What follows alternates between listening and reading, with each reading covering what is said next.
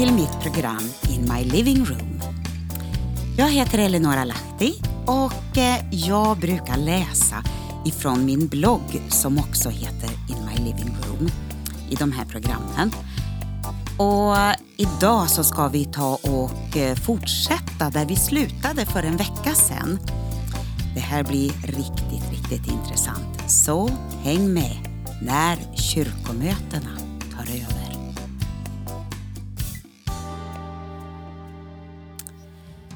Det här är del två med kristendomens framväxt och brytningen med judendomen.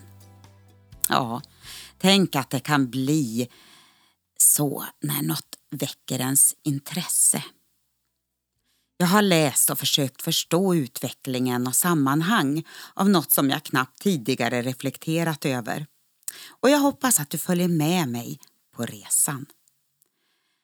Och om du vill förstå riktigt eh, helheten i det så skulle du ha lyssnat på förra veckans program. Men eh, jag hoppas att jag kan få till en podcast så småningom så att man kan lyssna lite bakåt också. Att vara en del av ett större sammanhang och känna samhörighet och även ha sin identitet i den, det kan vara tryggt och även utvecklande. Men när sammanhanget eller omgivningen förändras är allt inte lika självklart längre. När det man har haft tilltro till börjar utveckla tankar och förhållningssätt utanför den givna ramen, ja, då blir tillvaron osäker. I mitt förra inlägg, som berörde tidsepoken från den första kyrkan på apostlarnas dagar och fram till 200-talet, så delade jag lite historia om hur kristendomen utvecklats under det första århundradet. Tyvärr blev det så att den nyfunna glädjen och samhörigheten i tron på Jesus bland hedningar och judar inte bestod så länge. Att bejaka sitt ursprung blev den stora stötestenen för fornkyrkan. Vem ville ha med dessa villolärare att göra? Den judiska identiteten ersattes mer och mer med det som kom från grekisk filosofi och kultur för att i mitten på 200-talet ha en kristendom som nära nog bara var ett utomjudiskt fenomen. På 300-talet hade judar samt judisk teologi rensats ut från de kristna församlingarna. Och judarna talade om Messias, den smorde, på hebreiska. Medan hedningarna talade om Kristus, den smorde, på grekiska. Ja, visst, det är helt okej. Okay. Under denna period av 200 till 300 år hade en högtid vuxit fram till minne av Jesu död och uppståndelse bland de kristna som firades söndagen efter påsk, en gång om året. De romerska kristna började nu kalla denna påsk för Easter som är ett äldre namn på en hednisk romersk vårfest. Men man firade inte högtiden efter den traditionella kalenderdagen. Men den påsk man firat en gång om året bland de första kristna blev även en högtid romerska kyrkan övertog. Nu utsåg man den till en minipåsk en gång i veckan på söndag. Det kom så ett beslut om att man inte fick följa den judiska kalendern. Och så försvann alla bibliska, ja judiska, inslag av högtider och helgdagar. Så trixades sabbaten bort och påsken blandades tillsammans med andra traditioner. Afrodite, fruktbarhetsgudinnan, togs in i kyrkan. Likaså Sol Invictus, den oövervinneliga solguden, för firandet av midvintersolståndet. Hedniska kulturen och dess filosofi blandades in och adopterades av kyrkan. På kyrkomötet i Nicea 325 slutfördes skilsmässan från judendomen. Konstantin sa Låt oss inte ha någonting att göra med det avskyvärda judiska packet. Och på kyrkomötet i Antiochia år 341 förbjöds judar och kristna att fira påsk tillsammans. Den bibliska sabbaten förbjöds på kyrkomötet i Laodicea år 363 för kristna att fira. Och vi har nu fått en statsreligion där väckelsekristendomen blivit undanträngd och även underjordisk.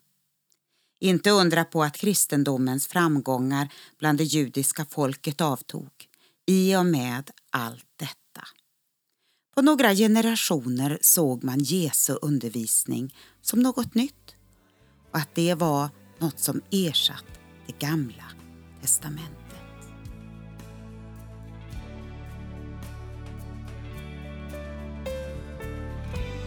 Och Jerusalem låg i sina ruiner.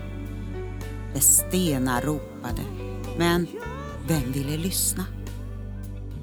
För centrum för lärosäten hade nu hamnat i hedniska städer medan urtidens sanningar och planer låg fördolt under stenar och grus i det utvalda landet.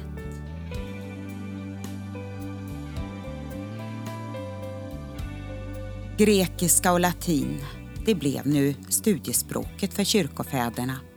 För vem orkade bemöda sig om att läsa Bibeln på sitt grundspråk hebreiska? Få var dessa teologer. Och så kom ikoner och statyer, bärare av, ja, det man sa var Guds närvaro. För att inte tala om mäktiga kyrkobyggnader som påminde om samtidens mäktiga avgudatempel. Och Bibelns bildförbud och synagogans familjära gemenskap, det var som bortblåst. Istället kom prästerskapet med sin hierarki och kyrkan blev institutionen som blev Guds rike i synlig gestalt.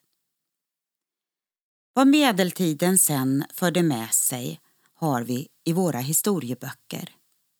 Antisemitismen kom med tortyr, dödande och uppbrända böcker. Att äga en bibel var förenat med dödsstraff. Och här kan man sen skriva om del 3, del 4 och del 5, även in i vår tid. Och I min blogg här har jag lagt in en liten rolig bild på en kyrka. Och det ser ut som om arkitekten inte riktigt hade förutsett hur tokigt det här skulle bli när man tittade på kyrkan ur en speciell vinkel. Det såg faktiskt ut som en kyckling. Och Vi kan betrakta ett och annat från ett håll och så ser vi någonting från ett annat håll. Men helt plötsligt dyker en ny vinkel upp som vi inte hade räknat med. Och vi kanske inte inser att det var inte så lyckad ritning. En arkitekt som inte hade riktigt koll på läget, som sagt.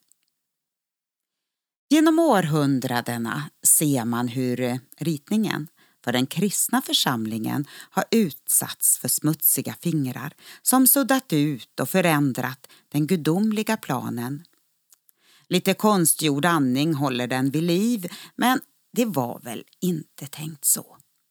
Är det därför vi har så många möteströtta människor i många kyrkor? Det underbara är ändå att än idag sitter Gud på sin tron i full majestät, redo till att hjälpa oss att återerövra hans ursprungliga planer som ännu är aktuella i vår tid. Kanske får vi möjlighet att se något som vi aldrig tidigare lagt märke till. För vi måste vara på rätt plats, i rätt vinkel, för att se och förstå vår himmelska arkitekt. Men det händer inte av sig själv. Och det går inte att följa med strömmen bara. Och det går inte att blunda. Och det går inte att säga, men alla andra. Mitt i allt detta vet jag att det finns flera härliga och underbara församlingar som verkligen gör skillnad i vår tid. Men samtidigt ser jag något av vad framtiden kan innebära. Omvälvande tider, brytningstider och underbara tider framför oss. Och idag ska jag avsluta med en av mina sånger som heter eh, Vågen kommer. Gud välsigne dig. Ha en bra dag. Vem kan väl ana vad som ligger framför? Jag hör ljud av vårregn. Höstregnet vräker ner, det är nåt på gång. Kan du se och höra en våg för oss vidare?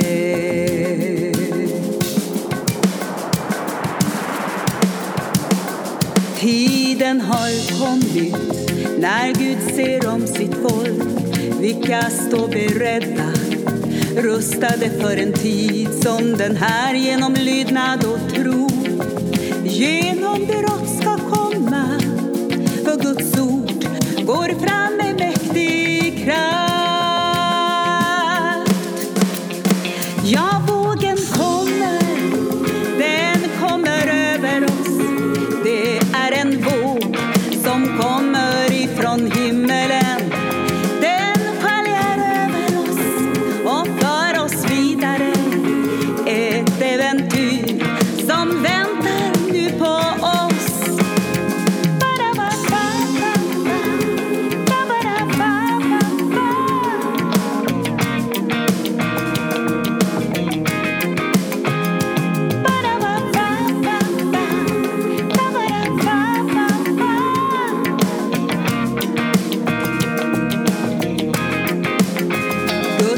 Res upp er, ni ska fatta nytt mod. Tiden har kommit när vi måste stå enade trots allt mörker och hat. Ska Guds ord ge seger? Guds kraft kan göra allt